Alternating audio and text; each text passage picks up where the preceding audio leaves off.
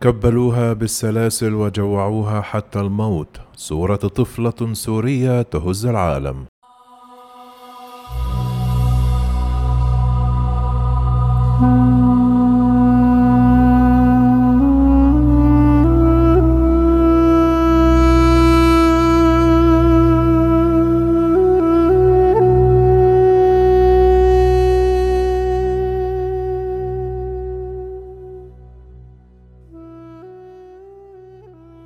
صورة يتيمة لطفلة سورية مكبلة بالسلاسل.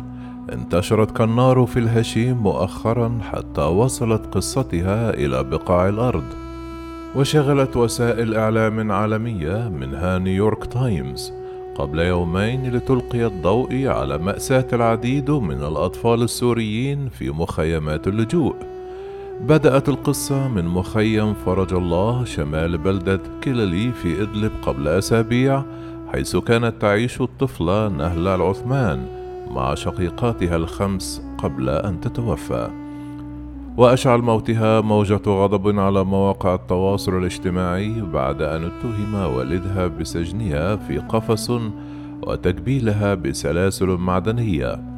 كما أحدثت وفاتها ضجة لدى الرأي العام المحلي والخارجي بسبب انتشار صورتها مؤخرا وهي مكبلة بالسلاسل مما أدى إلى توقيف الأب وإخضاعه للتحقيقات لمدة أسبوعين.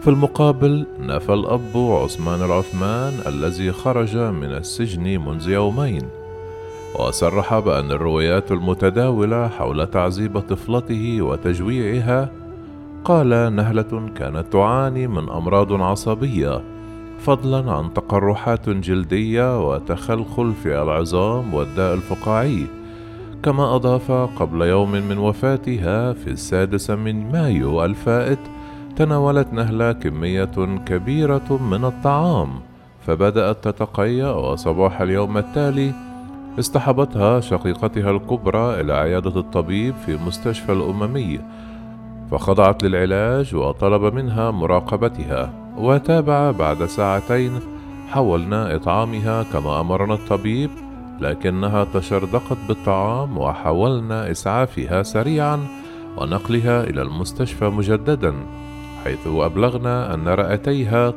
توقفتا مما يستوجب نقلها فورا إلى تركيا للعلاج. إلا أن الموت كان أسرع فتوفيت الصغيرة الشقراء بعد نصف ساعة لتنتهي بذلك رحلة السنوات الست التي عاشتها وهي تعاني من أمراض عديدة. أما عن قصة القفص الحديدي الذي وضعها فيه أبيها داخل الخيمة التي يقيم فيها مع زوجته بعد طلاق والدتها، ولا تغادره إلا وهي مكبلة بالسلاسل الحديدية، فلم ينفي الوالد وجوده لكنه أوضح أنه أحضره قبل خمسة أيام من ولادة ابنه من زوجته الثانية وأصبح مسكنا لنهلة من أجل تقييد حركتها أثناء الليل عندما تصيبها نوبة عصبية لأن سكان المخيم اشتكوا من تجولها عارية. يشار إلى أن المرصد السوري لحقوق الإنسان كان قد أفاد سابقا بأن الطفلة المتحدرة من أبلاء بلدة كفرسنجة بريف إدلب توفيت بعد معاناتها من قلة الطعام وتعنيفها من قبل والدها وتكبيلها وسجنها في قفص حديدي مما أدى إلى إصابتها بالتهاب في الكبد وأمراض أخرى بعد تجويعها لتفارق الحياة بعد إسعافها إلى أحد مشافي المنطقة. لكن الأب أكد أنه بريء.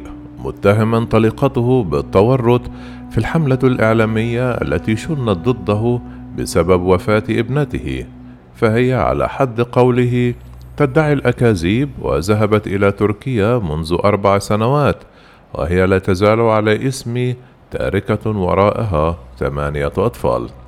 كما أضاف الأب لا يجوز لوم الرجل في كل حادثة تحدث مع أحد أبنائه فالأم تخطئ أيضا. وهو ما حدث معي وأطلب اتخاذ الإجراءات اللازمة بحقها لأنها مسؤولة عما حدث معي ومع أولادي الذين ترفض إبقائهم معها.